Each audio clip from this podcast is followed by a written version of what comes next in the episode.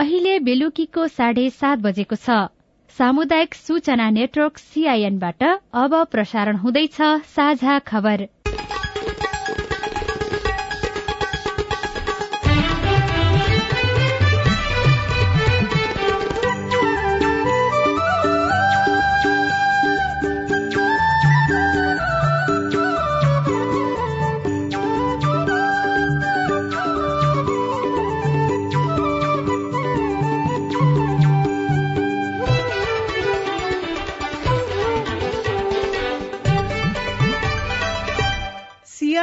साझा खबरबाट स्नेहा कर्णको नमस्कार। साझा खबर देशभरिका सामुदायिक radio CIN Khabar dot com र मोबाइल एप सीआईएनमा पनि सुन्न सकिन्छ।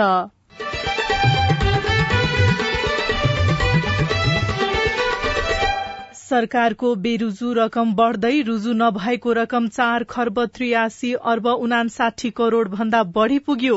स्थानीय तहमा मात्रै त्रिचालिस अर्ब नब्बे करोड़ भ्रष्टाचार बढ़दै जानु चिन्ताको विषय भएको अर्थविदहरूको भनाई। बेरुजु बढ्नु भनेको चाहिँ के हो भन्दा हुनुपर्ने जति वित्तीय अनुशासन पालना भइराखेको छैन स्रोत र साधनको चाहिँ दुरूपयोग भइराखेको छ।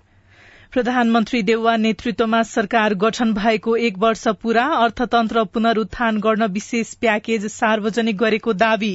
कांग्रेसको केन्द्रीय कार्य समिति बैठकमा चुनावको समीक्षा उठेका प्रश्नमा दुई महामन्त्रीले भोलि जवाफ दिने। उठेका कुराहरूलाई पनि प्रश्न पार्ने र सरकारले गरेका कुराहरूलाई पनि थाहा छैन भोलि अरू सदस्यहरूले कुरा राखिसकेपछि मन्त्रीहरूले पनि आफ्ना कुराहरू राख्छन्। उपसभामुख पदको निर्वाचनका लागि कार्यतालिका सार्वजनिक जसपाको विवाद थप चर्कदै गभर्नर अधिकारी एमालेको विभागमा रहेको बारे संसदमा प्रश्न जवाफ दिन माग। महाप्रसाद अधिकारी जो राष्ट्र ब्याङ्कका गभर्नर हुनुहुन्छ जसले अर्थतन्त्र सम्हाल्नु पर्नेमा अर्थतन्त्र बिगार्दै हुनुहुन्छ उहाँका विषयमा गम्भीर ढंगबाट छानबिन गरियोस्। र श्रीलंकाका राष्ट्रपति गोटाबाया राजपक्षले आज पदबाट राजीनामा दिँदै क्रिकेटको अन्तर्राष्ट्रिय टी ट्वेन्टी वरियतामा नेपाल यथावत।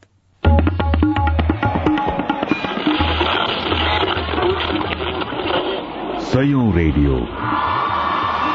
हजारौं रेडियो कर्मी र करोड़ौं नेपालीको माझमा यो हो सामुदायिक सूचना नेटवर्क सीआईएन नेपालमा हरेक वर्ष करिब दुई अर्बको चूरा टीका पोते लगायत श्रृंगारको सामग्री आयात हुन्छ। यो वर्ष करिब चौवालिस करोड़ भन्दा बढ़ीको हरियो चूरा मात्रै आयात भएको छ। नेपालमा चूराको उत्पादन हुँदैन तर साउनमा थरी थरीका चूरा बेच्ने र लगाउने चलन जस्तै बनेको छ। फेरि फेरि र थरी थरीका चूरा नलगाए पनि हुने भए पनि वार्षिक एक अर्ब भन्दा बढ़ी नेपाली मुद्रा चुराकै लागि बाहिरिन्छ। आर्थिक मितव्ययिता तपाई हाम्रै तहबाट शुरू हुन जरूरी रहेको छ। अब खबर अविनाश आचार्यबाट। सरकारको कुल बेरोजु खर्च अर्थात खर्च भएको तर रुजु नभएको रकम चार खर्ब त्रियासी अर्ब उनासाठी करोड़ भन्दा बढ़ी देखिएको छ। महालेखा परीक्षक कार्यालयका अनुसार आर्थिक वर्ष दुई हजार सतहत्तर अठहत्तरसम्मको लेखा परीक्षण गर्दा सरकारको यति धेरै बेरोजु देखिएको हो। महालेखा परीक्षकका अनुसार गत वर्ष मात्रै एक खर्ब सत्ताइस अर्ब रूपियाँ बराबर बेरोजु थपिएको छ। महालेखा परीक्षक कार्यालयको उनासाठी वार्षिक प्रतिवेदन अनुसार एक वर्षमा एक खर्ब पन्ध्र अर्ब पचास करोड़ रूपियाँ बेरोजु देखिएको छ। यो बेरोजु रकम संघ सरकार प्रदेश सरकार र स्थानीय सरकार लगायत अन्य ठाउँको गरी हो। पाँच हजार छ सय पैंसठीवटा निकायको त्रिचालिस खर्ब सतहत्तर अर्ब सत्र करोड़ सोह्र लाख रूपियाँको लेखा परीक्षण भएको प्रतिवेदनमा उल्लेख छ। नियमित गर्नुपर्ने बेरोजु मध्ये अनियमित भएको बीस अर्ब एकहत्तर करोड़ चौवालिस लाख कागज पेश नभएको बेरोजु अडचालिस अर्ब पैंसठी करोड़ त्रियानब्बे लाख रूपियाँ र शोध भर्ना नलिएको चौबिस करोड़ बेरोजु रहेको प्रतिवेदनमा उल्लेख गरिएको छ। पेशकी लिएको समेत एघार अर्ब उनासत्तरी करोड़ बेरोजु देखिएको कार्यालयका सह प्रवक्ता नेत्र प्रसाद पौडेलले सीआईएनलाई जानकारी दिनुभयो। अब अहिले प्रतिवेदनले करिबन एकतिस प्रतिशत चाहिँ हिनामिना मसौत असुल गर्नुपर्ने बेरोजु भनेर भनेको छ। सिक्सटी नाइन पर्सेन्ट चाहिँ अनियमित भएका प्रमाण पेश गर्नुपर्ने खालका बेरोजुहरू भनेको छ। हो त्यो भनेको चाहिँ प्रचलित कानूनको पालना नभएको बेरुजु हो। अघिल्लो वर्षहरूको तुलनामा यस वर्ष बेरुजु खर्च झन् बढेको हो। बेरुजु लगभग उही त्यही प्रतिशतको हिसाबले एउटै अनुपातमा छ होइन? अब खर्च कारोबारको अङ्कले गर्दाखेरि बढेको हो। प्रतिवेदन अनुसार संघीय सरकार अन्तर्गतका तीन हजार दुई सय सतासी सरकारी कार्यालयको लेखा परीक्षण गरिएको थियो। यसरी बेरुजु रकम बढ़दै जानुले के संकेत गर्छ? सीआईएनसँग कुराकानी गर्दै अर्थविद डाक्टर चन्द्रमणि अधिकारीले भन्नुभयो। बेरुजु बढ्नु भनेको चाहिँ के हो भन्दा हुनुपर्ने जति वित्तीय अनुशासन पालना भइराखेको छैन स्रोत र साधनको चाहिँ दुरूपयोग भइराखेको छ र स्रोत प्रभावकारी उपयोग हुन सकिराखेका छैन भन्ने कुरा बुझिन्छ। त्यस कारणले गर्दा अब यसले चाहिँ हाम्रो एकातिर साधन र स्रोत हामीलाई नपुगिराखेको अवस्था थप राजस्व परिचालन गर्नुपर्ने अवस्था थप ऋण परिचालन गर्नुपर्ने अवस्था रहेको अर्थतन्त्र बोजिलो बन्दै गएको भने अर्कातिर चाहिँ बेरुजु बढी देखिनु बेरुजु मध्ये पनि तपाईँको यहाँले हेर्नु हो भने के देख्नुहुन्छ भने असुल गर्नुपर्ने बेरुजु पच्चिसदेखि छब्बिस प्रतिशतसम्म छ। यसरी बेरुजु खर्च चाहिँ बढ्दै जानुले नेपालमा भ्रष्टाचार पनि मौलाएको हो कि भन्ने पनि संकेत गर्छ? पक्कै पनि। असुल गर्नुपर्ने नै पच्चिस छब्बिस प्रतिशत छ बेरुजु मध्ये भनेपछि त त्यो त महालेखा परीक्षकले देखाएका बेरुजुहरू हेऱ्यो भने कतिपय केस त भ्रष्टाचारका प्रकृतिकै देखिन्छन्। सरकारले जसले यो खर्च गर्छ उनीहरूले कानून पालना गरिदिनु पर्यो जनशक्तिलाई ट्रेन्ड गराउनु पर्यो। चालू आर्थिक वर्षमा स्थानीय तहमा मात्रै त्रिचालिस अर्ब नब्बे करोड़ पञ्चानब्बे लाख बेरोजु देखिएको छ। मुलुकमा सञ्चालित सार्वजनिक संस्थान मध्ये छब्बीसले लेखा परीक्षण नै नगरेको पाइएको छ। प्रतिवेदनको सारांश अनुसार देशभर बयालिस संस्थानहरू रहेकोमा दुई हजार अठहत्तर जेठसम्म सोह्र संस्थानले मात्रै तोकिएको समयमा दुई हजार सतहत्तर अठहत्तरसम्मको लेखा परीक्षण गराएका छनृ। प्रधानमन्त्री शेरबहादुर देउबा नेतृत्वको सरकार गठन भएको एक वर्ष पूरा भएको छ। सर्वोच्च अदालतले गत वर्ष असार अठाइस गते संसद विघटन बदर गर्दै चौविस घण्टाभित्र शेरबहादुर देउबालाई प्रधानमन्त्री नियुक्त गर्न परमादेश जारी गरेको थियो। त्यसको दोस्रो दिन अर्थात दुई हजार अठहत्तर असार उन्तिस गते राष्ट्रपति विद्यादेवी भण्डारीले प्रधानमन्त्री नियुक्त गर्नुभएको थियो। यसबीचमा देउबा सरकारले एक वर्षमा गरेका त्रिचालिस कामहरू सार्वजनिक गरेको छ। जसमा पूर्ववर्ती सरकारले निम्त्याएको राजनैतिक अस्थिरता र कुशासनको अन्त्य गरी मुलुकलाई लोकतान्त्रिक विधि र पद्धतिमा अघि बढ़ाउन सफल भएको लगायत उल्लेख गरिएको छ। प्रतिनिधि सभाको उपसभामुख पदको निर्वाचनको लागि कार्यतालिका सार्वजनिक भएको छ। लामो समयदेखि रिक्त रहेको उपसभामुख पदको निर्वाचन यही असार एकतीसमा चयन हुने गरी सभामुख अग्नि प्रसाद सापकोटाको निर्देशन अनुसार संघीय संसद सचिवालयले निर्वाचन कार्यतालिका सार्वजनिक गरेको हो। कार्यतालिका अनुसार भोलि मनोनयन दर्ताको समय निर्धारण गरिएको छ। मनोनयन दर्ता गर्न भोलि बिहान एघार बजेदेखि दिउँसो एक बजेसम्मको समय निर्धारण गरिएको छ। उपसभामुखको लागि सत्ता गठबन्धनको तर्फबाट कांग्रेस सचेतक पुष्पा भूषाललाई उम्मेद्वार बनाउने लगभग सहमति भएको छ। नेकपा एमाले पनि उपसभामुख पदमा उम्मेद्वार उठाउने तयारी गरेको छ। नेकपा एमालेका अध्यक्ष केपी शर्मा ओलीले मानवाधिकार रक्षाको लागि राजनैतिक दलहरू प्रतिबद्ध हुनुपर्ने बताउनु भएको छ। काठमाण्डुमा आज आयोजित एक कार्यक्रममा उहाँले मानव अधिकार रक्षाका लागि सबैभन्दा ठूलो भूमिका निर्वाह गर्नेमा राजनैतिक दल र तिनका विभिन्न संगठनहरू भएकाले उनीहरू प्रतिबद्ध हुनुपर्ने बताउनुभयो। राजनैतिक दलहरूको भूमिका हिजो पनि थियो आज पनि छ र भोलि पनि रहन्छ। अहिले पनि हामी जति बेला मानवाधिकारको कुरा गर्दैछौ मूल रूपमा राजनैतिक दलहरूसँग सम्बन्धित छ मानवाधिकारको प्रश्न। उल्लङ्घनकर्ता को हो त भन्दा सबभन्दा बढी राज्य शक्ति राजनीतिक शक्ति राजनीतिक दल त्योसँग सम्बद्ध अन्य पक्षहरू यिनी कुरा हो। राजनीतिक दलले राज्य सञ्चालन गर्छ अबको समयमा। दलहरू यति सचेत हुने हो भने मानवाधिकारको उल्लङ्घन गर्दिन गर्न दिन्न र सरकार मानवाधिकारको रक्षाको पक्षमा उभिन्छ भन्ने अठोट गर्छ भने मानवाधिकारको धेरै मात्रामा रक्षा हुन सक्छ। मुख्य पक्ष चाहिँ मानवाधिकार हननको रोकिन्छ उहाँले सरकारमा जाने हरेक दलले म मानवाधिकार रक्षाका लागि प्रतिबद्ध छु र मानवाधिकार उल्लंघन गर्दिन गर्न दिदिन भनेर अठोट गर्नु पनि आजको आवश्यकता रहेको उल्लेख गर्नुभयो। नेपाली कांग्रेसको केन्द्रीय समिति बैठक भोलि फेरि बस्ने गरी स्थगित भएको छ। भोलि बस्ने बैठकमा पार्टीबाट प्रतिनिधित्व गर्ने विभागीय मन्त्रीहरूले सरकारले गरेको कामको विषयमा जवाफ दिनेछन्। पार्टी केन्द्रीय समिति बैठकमा विभागीय मन्त्रीहरूले एक वर्षमा गरेका कामहरूको विषयमा जवाफ दिने कार्यसूची रहेको सह महामन्त्री फर्मुल्लाह मन्सुरले जानकारी दिनुभयो। केन्द्रीय सदस्यहरू आफ्नो विचारहरू राख्दैछन्। तिनवटा महत्वपूर्ण एजेन्डाहरू छन्। एउटा स्थानीय निर्वाचन को सन्दर्भमा समीक्षा आउने प्रदेश र संघीय निर्वाचनको बारेमा दृष्टिकोण विविधमा अब जस्तो भातृ संस्थाहरूको विधानहरू नीतिहरू पारित भएको छ। भोलि मन्त्रीहरू उठेका कुराहरू सरकारले उठेका कुराहरूलाई पनि प्रश्न पार्ने र सरकारले गरेका कुराहरूलाई पनि थाहा थिएन। भोलि अरू सदस्यहरूले कुरा राखिसकेपछि मन्त्रीहरूले पनि आफ्ना कुराहरू राख्छन्। आजको बैठकमा भने संचार मन्त्री ज्ञानेन्द्र बहादुर कार्कीले सरकारका उपलब्धि प्रस्तुत गर्नुभयो। जनता समाजवादी पार्टी नेपालमा देखिएको विवाद समाधान हुने संकेत देखिएको छैन। जसपा उपेन्द्र यादव पक्षको वीरगंजमा जारी बैठकमा एक सय तीस जना केन्द्रीय सदस्य उपस्थित भएका छन्।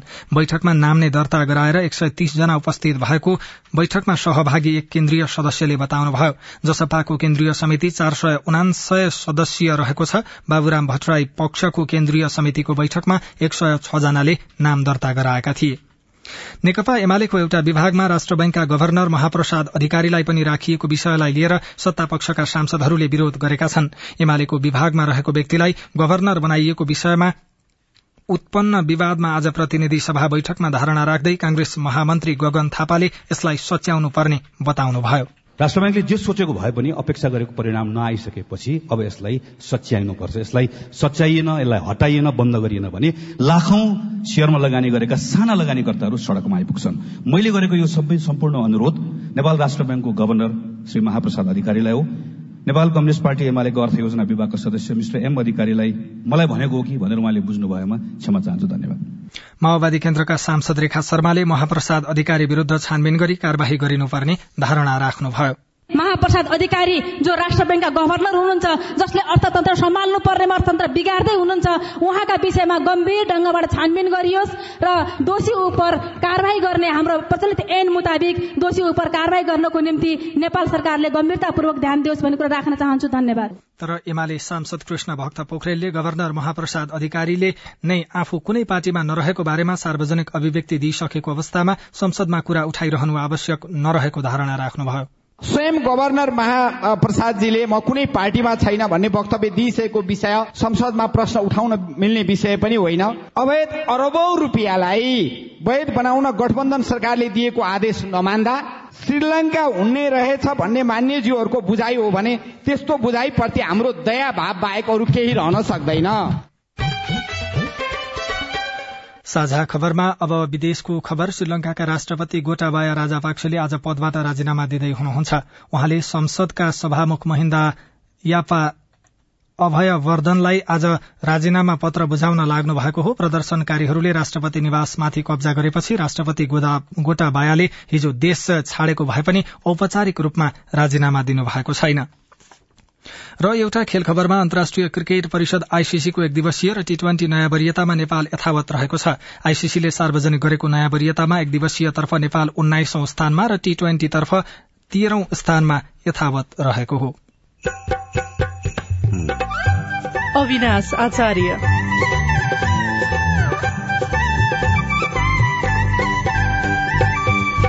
बाजुराको कोल्टी बजारमा फोहोर व्यवस्थापनको समस्या। रुगा लाग्ने यो गर्मी एक छुट्टै फोहोर फाहोरले गर्दा झनै खराब हुन्छ। भडभावर उम्रिन्छ बर्खातिर पानी पर्छ हुन्छ फोहोर आउँदै गनान्छ। नागरिकको स्वास्थ्यमा असर रिपोर्ट कोरोनाको संक्रमण दर फेरि बढ़्यो। रोकथामका लागि सरकारको तयारी के छ? स्वास्थ्य मन्त्रीसँगको कुराकानी सहितको विशेष सामग्री बाँकी नै छन्। सीआईएनको साझा खबर सुन्दै गर्नुहोला। जलवायु परिवर्तन बारे नागरिकको बुझाइ। यो जुन क्लाइमेट चेन्जको इस्यु छ हामी यो थेरलाई समेत एक्चुअलमा थाहा छैन। सरोकारवालाहरूको चिन्ता। कार्यान्वयन गर्ने एउटा राम्रो मेकानिजम बनाइनु भने यो कुरा मात्रै हुन्छ भन्ने मेरो ठहर हो। अनि संसद र संसदीय समितिहरूको प्रतिबद्धता। सरकारवालाहरूको सल्लाह सुझावहरू लिएर पनि हामीले यसलाई फेरि नयाँ नीति विधि बनाएर पनि हामी जान सक्छौ। यही असार तीस गते साँझको साझा खबर र भोलिपल्ट बिहान साढे छ बजेको कार्यक्रम हेलो सांसदमा विचार विवेचना समस्या र समाधान सहितको बहस। कार्यक्रम हेलो सांसद।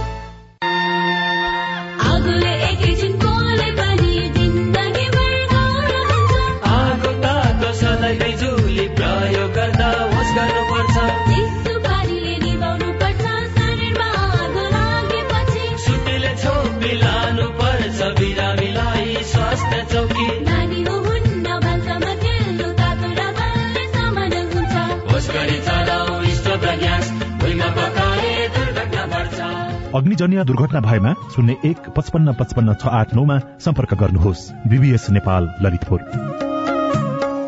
सामाजिक रूपान्तरणका लागि यो हो सामुदायिक सूचना नेटवर्क सीआईएन तपाई सामुदायिक सूचना नेटवर्क सीआईएनले तयार पारेको साझा खबर सुन्दै हुनुहुन्छ। नेपालमा पछिल्लो समय कोरोना भाइरसको संक्रमण दर बढ़दै गएपछि सरकारले सबैलाई जनस्वास्थ्यका मापदण्ड पालना गर्न आग्रह गरेको छ।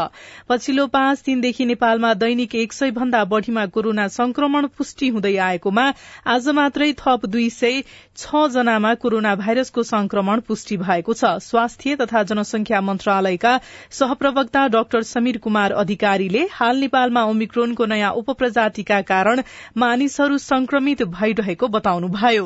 उहाँले संक्रमण पुष्टि हुने क्रम बढ़दै गए पनि आत्तिनुपर्ने अवस्था नरहेकाले पालो अनुसार कोरोना विरूद्धको खोप लगाउन सबैलाई आग्रह गर्नुभयो। प्रतिनिधि सभाको बैठकले स्वास्थ्य कर्मी तथा स्वास्थ्य संस्थाको सुरक्षा सम्बन्धी पहिलो संशोधन विधेयक दुई हजार उनासी पारित गरेको छ। स्वास्थ्य तथा जनसंख्या मन्त्री भवानी प्रसाद खापुङले प्रस्तुत गर्नुभएको विधेयकको प्रस्तावमाथि सांसदहरू प्रेम सुवाल र गिरिराजमणि पोखरेलले विधेयकमाथि संशोधन प्रस्ताव राख्नु भएको थियो। छलफल सकिएपछि सभामुख अग्निप्रसाद सापकोटाले निर्णयार्थ पेश गर्नुभयो। स्वास्थ्य कर्मीमाथि हुने हातपात तथा स्वास्थ्य संस्थामाथि हुने तोड़फोड़बाट जोगाउन यो संशोधन विधेयक ल्याइएको हो। बढ़दो जनसंख्या र अव्यवस्थित होटल पसल संचालनका कारण बाजुराको कोल्टी बजार दुर्गन्धित हुने क्रम बढ़ेको छ। बजारबाट उत्पादन हुने फोहोर विसर्जनका लागि स्थानीय सरकारले पहल नगरेको गुनासो नागरिकको छ।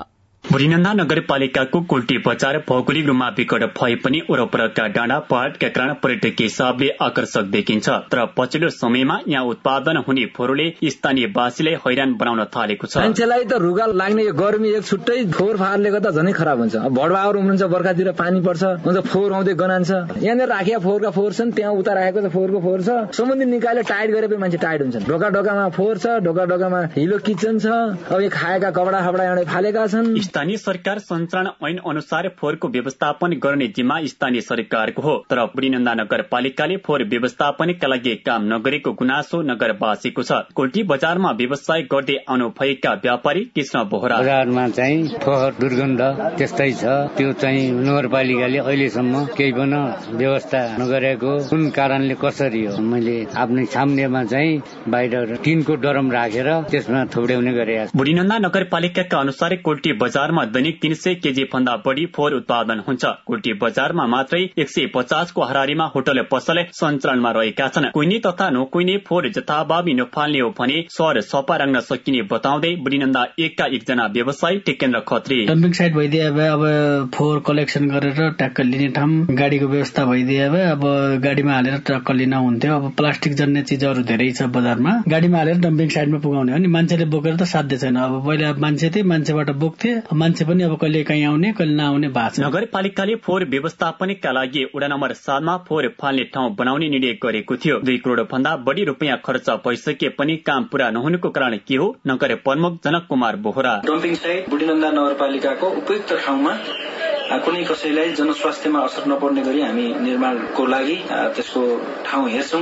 फोहोर फाल्ने फोहोर मलाई भन्ने त्यो व्यवस्था डस्टबिनको व्यवस्था गर्दैछौँ। फोहोर फाल्ने ठाउँको व्यवस्थापन हुन त सकिएको छैन नै बजारमा उत्पादन हुने फोहोर संकलनका लागि ट्राक्टर समेत नगरपालिकाले किन्न सकिएको छैन। स्थानीय सरकारले सबै समस्या समाधान गर्छ भनी विश्वासमा रहेका स्थानीयवासी फोहोर व्यवस्थापनमा पनि अझै सजग देखिँदैनन्। Hukum Yogi CIN radio Simunath Bajura. साझा खबरमा अब हेलो सीआईएन सजना तिमल सिन्हाबाट। आजको हेलो सीआईएनमा हामीले वैदेशिक रोजगारसँग सम्बन्धित प्रश्न लिएका छौं। सबै प्रश्नको जवाफ दिँदै हुनुहुन्छ वैदेशिक रोजगार विभागका सूचना अधिकारी कृष्ण प्रसाद भूषाल। म चाहिँ रामेछाप जिल्ला दोलमा गाउँपालिकाबाट मणिक तामाङ बोलेको। म चाहिँ हाल मलेसियाबाट पालि एनबिसी मार्फत नेपाल आएको थियो। अब म अरू देशमा जान पाउँछ पाउँदैन। मलेसियाबाट नेपाल फर्किनु भएर छ त्यहाँ रोजगारीको सिलसिलामा गएर फर्किनु भयो होला। अन्य देशमा जानलाई चाहिँ समस्या छैन। सर्वस्वीकृत लिएर जान सकिन्छ। नमस्ते म तुलसीपुर उपमहानगरपालिका सातबाट साधाराम रावत। वैदेशिक रोजगारको लागि हामी कतार गएको ठिक सात महिनामा कतारमा रहेको रेडको इन्टरनेसनल कम्पनीले अब कम्पनीमा काम छैन भने हामीलाई नेपाल फर्काएको छ र हामी कतारमा जाँदा एक लाख पचास हजार तिरेर दुई वर्षको करार अवधिको लागि काम गर्न पाउने भनी गएका थियौँ। र हामी तिरेको पैसा फिर्ता पाउँछ कि पाउँदैन। यदि पाउँछ भने एक लाख पचास हजारमा कति पैसा फिर्ता पाउँछ? कतारमा जाँदाखेरि एक लाख पचासी हजार तिर्न चाहिँ पर्दैन मेरो विचारमा। तपाईँले कसरी तिर्नुभयो एउटा बाटो? दोस्रो कुरो चाहिँ तपाईँलाई सम्झौता गर्दाखेरि चाहिँ दुई वर्षका लागि नै सम्झौता गरेर जानुभएको होला। त्यो सम्झौता बमोजिम तपाईँ त्यहाँ काम गर्न नपाएको नपाएको अवस्थामा त्यो तपाईँ क्षतिपूर्ति समेत पाउनुहुन्छ। त्यसको लागि चाहिँ सम्पूर्ण बेहोरा खुलाएर सबै कागजात राखेर दिनुभयो भने हामी आवश्यक कारवाही गर्छौँ। हेलो म नेपालगञ्ज डुडा गाउँपालिका वार्ड नम्बर पाँच म गोपाल परियार बोल्दैछु।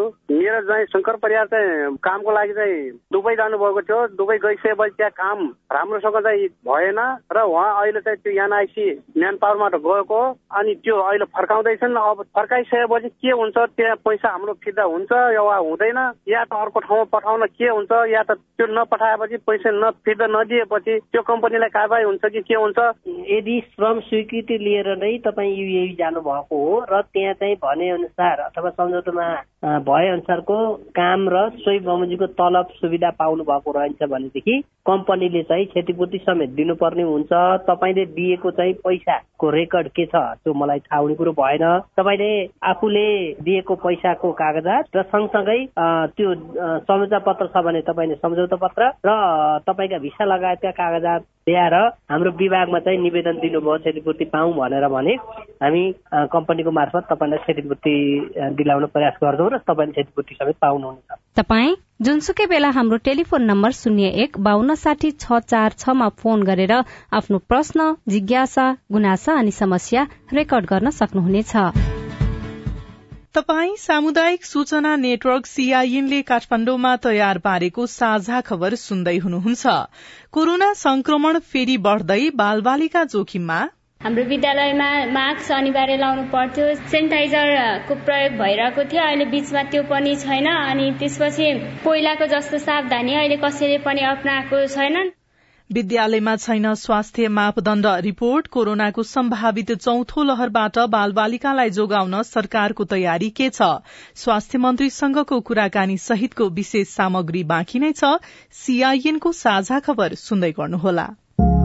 बालबालिकालाई लगाउँदै गरेको खोपमा चाहिँ बालबालिकाहरू कहाँ गएर लगाउनु पर्ने र खोप लगाउन जाँदा के के लिएर जानु पर्ने त्यसबारे बताइदिनुहोस् न। मेरो जिज्ञासा के छ भनेपछि हामी विद्यार्थीहरू एकदमै जोखिममा छौँ तर पनि हामीहरूले समयमा खोप उपलब्ध हुन सकेको छैन।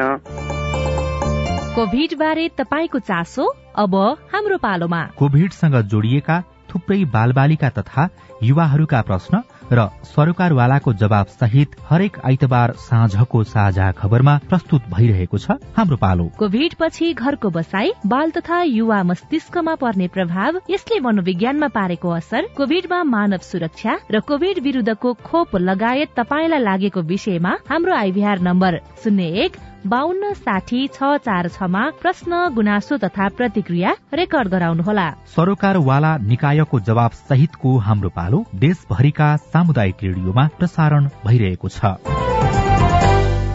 सामाजिक रूपान्तरणका लागि यो हो सामुदायिक सूचना नेटवर्क सीआईएन तपाई सामुदायिक सूचना नेटवर्क सीआईएनले काठमाण्डुमा तयार पारेको साझा खबर सुन्दै हुनुहुन्छ।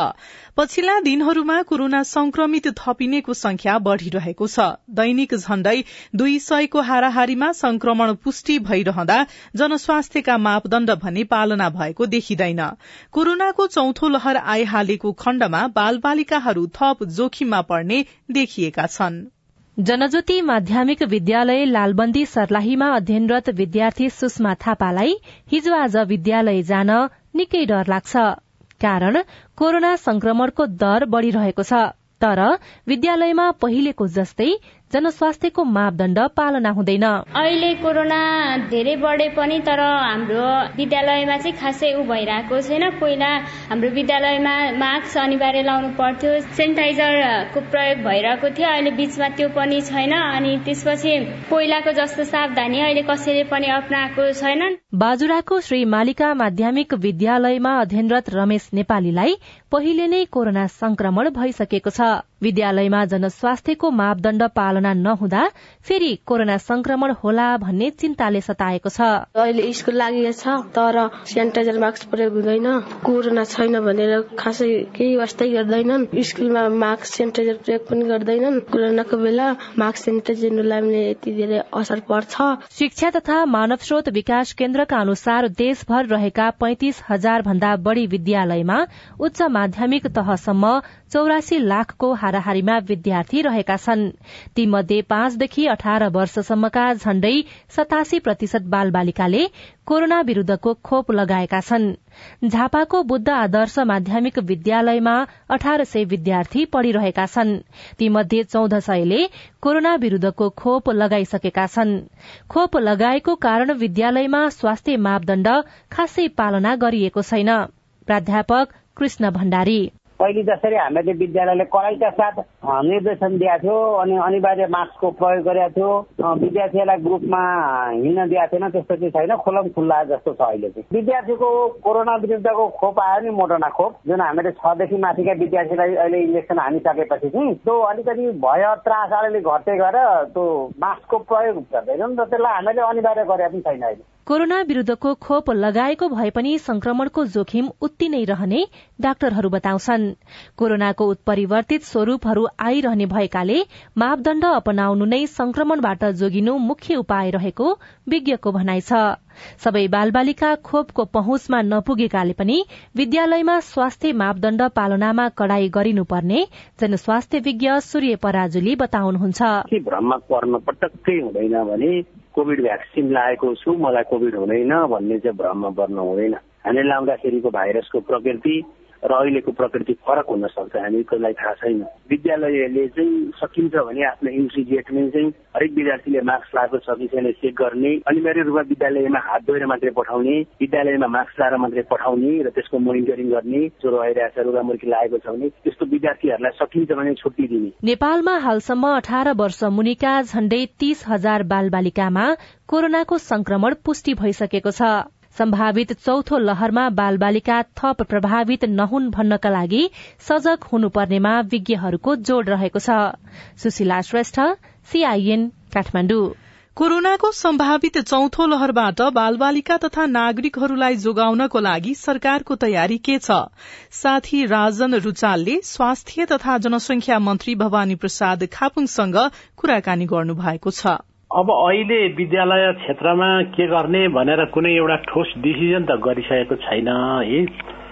यो चाहिँ संख्या अहिले बढ्दै आएको हुनाले अब यही अनुसारले क्रमशः बढ्दै जाने हो भने त यसलाई चाहिँ कसरी कन्ट्रोल गर्ने भन्ने बारेमा चाहिँ अब बसेर छलफल गर्नुपर्छ एउटा चाहिँ योजना प्लान बनाउनुपर्छ। अहिले चाहिँ अब विद्यालय क्षेत्र अथवा चाहिँ बालबालिकाहरूको बारेमा छुट्टै ढंगले त्यो छुट्टै निर्णय भइहालेको छैन। जस्तो बालबालिकाको सन्दर्भमा चाहिँ पहिला सेनिटाइजर राख्ने गरिन्थ्यो विद्यालयमा हात धुन्ने व्यवस्था गरिन्थ्यो साबुनहरू राखिन्थ्यो होइन मास्क अनिवार्य थियो तर अहिले त्यस्तो अवस्था देखिँदैन। अभिभावकलाई सजग बनाउनु पर्ने कुरा विद्यार्थी स्वयंलाई सजग बनाउनु पर्ने कुरा र विद्यालयलाई पनि व्यवस्थित गर्नुपर्ने कुरा त्यसमा चाहिँ सरकारको ध्यान कहिले पुग्ने त? अब यो चाहिँ यहाँले जे कुरा अहिले बताउनु भयो विद्यालयमा पनि विद्यालय परिवारले एकदम सजगता अप्नाउने कुरा त त्यो निरन्तर नै गरिरहनु पर्ने हो। तर वात्तै चाहिँ यो चाहिँ संक्रमितको संख्या घटेको हुनाले अब सहज भयो भने जस्तो स्थिति देखिन्छ। तथापि पनि अब विद्यालयहरूले विद्यालय परिवारले यी स्वास्थ्यका मापदण्ड जुन चाहिँ सरकारले तोकेको छ त्यो चाहिँ अब अहिले बढ्न थालेको हुनाले यति बेलैदेखि चाहिँ सजग भएर सुरुदेखि नै सजग भएर चाहिँ त्यसलाई अगाडि बढाउँदा धेरै राम्रो हुन्छ। म पनि सबै विद्यालयहरूलाई चाहिँ यहाँहरूको चाहिँ सञ्चार माध्यम मार्फत आग्रह आह्वान गर्न चाहन्छु। हामी चिन्तित हौ सिरियस हौ र सकेसम्म चाहिँ आफ्नो विद्यालयभित्र यो चाहिँ संक्रमण चाहिँ फैलिन नपाओस् अथवा प्रवेश गर्न नपाओस् भन्ने बारेमा त अभिभावकले विद्यालयहरूले पनि सचेत हुनुपर्छ। आम जनसमुदायले पनि सचेत हुनुपर्छ। पछिल्लो एक हप्ता यता हेर्ने हो भने दिनदिनै थोर थोरै भए पनि त्यो दरमा चाहिँ कोरोना संक्रमण बढेको देखिन्छ। कतिपयले चौथो लहरको शुरूआती संकेतको रूपमा पनि यसलाई लिएका छन्। त्यसो हुनाले पहिला जस्तै भयावह स्थिति नहोस् भन्नको लागि सरकारले गरेको तयारी चाहिँ के हो त? पहिलाको जस्तो भयावह स्थिति आउने त छैन नै। त्यो कुरामा त हामी भौतिक रूपले पूर्वाधारका हिसाबले चाहिँ तयारी छौँ। त्यस्तै अहिले अब हस्पिटलहरूलाई पनि हामीले चाहिँ तयारी अवस्थामा रहनुपर्छ भनेर निर्देशन गर्ने काम भएको छ। मलाई के लाग्छ भन्दाखेरि अब सबै सजग हुनुपर्छ स्वास्थ्यका मापदण्ड अप्नाउनुपर्छ र सरकार पनि सजग छ र हिजोको जस्तो भयावह स्थिति अब हस्पिटलमा बेड नै नपाउने उपचारै नपाउने अक्सिजनै नपाउने जस्तो स्थिति त आउँदैन। सरकारको बेरुजु रकम बढ़दै गएको छ। अर्थविदहरूले भ्रष्टाचार बढ़दै जानु चिन्ताको विषय भएको बताएका छन्। प्रधानमन्त्री देउवा नेतृत्वमा सरकार गठन भएको एक वर्ष पूरा भएको छ। उपसभामुख पदको निर्वाचनका लागि कार्यतालिका सार्वजनिक भएको छ। जसपा भित्रको विवाद थप चर्किँदै गएको छ र आईसीसी पुरूष विश्वकप लीग टूको त्रिकोणात्मक सिरिजमा स्कटल्याण्डले नेपाल समक्ष एक सय पैंतालिस रनको लक्ष्य प्रस्तुत गरेको छ। हवस् त। आजलाई साझा खबरको समय सकियो। प्राविधिक साथी सुरेन्द्र सिंहलाई धन्यवाद। भोलि असार तीस गते बिहान छ बजेको साझा खबरमा फेरि भेटौंला। अहिलेलाई स्नेहा कर्ण पनि विदा हुन्छु। नमस्कार। शुभरात्री।